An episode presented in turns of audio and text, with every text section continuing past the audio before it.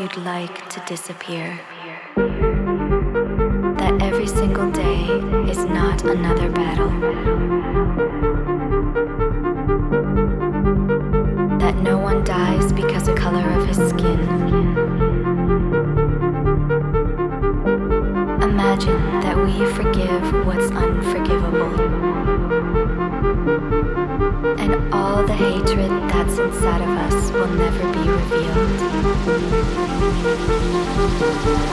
Imagine.